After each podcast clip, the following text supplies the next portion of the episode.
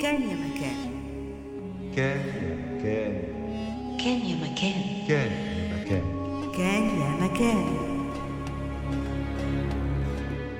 في قافلة الأحلام المغربية ضمن حكايا الليالي الألف قال طاهر شاه إن الحكاية هي العملة التي يتشارك فيها البشر أجمعين وهي عملتنا التي نهديها لكم في متوالية كان يا مكان.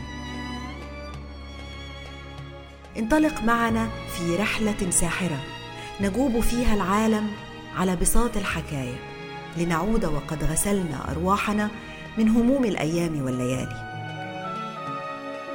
كان يا مكان نهر بلا ضفاف ورحلة لا تنتهي للبحث عن الكنز.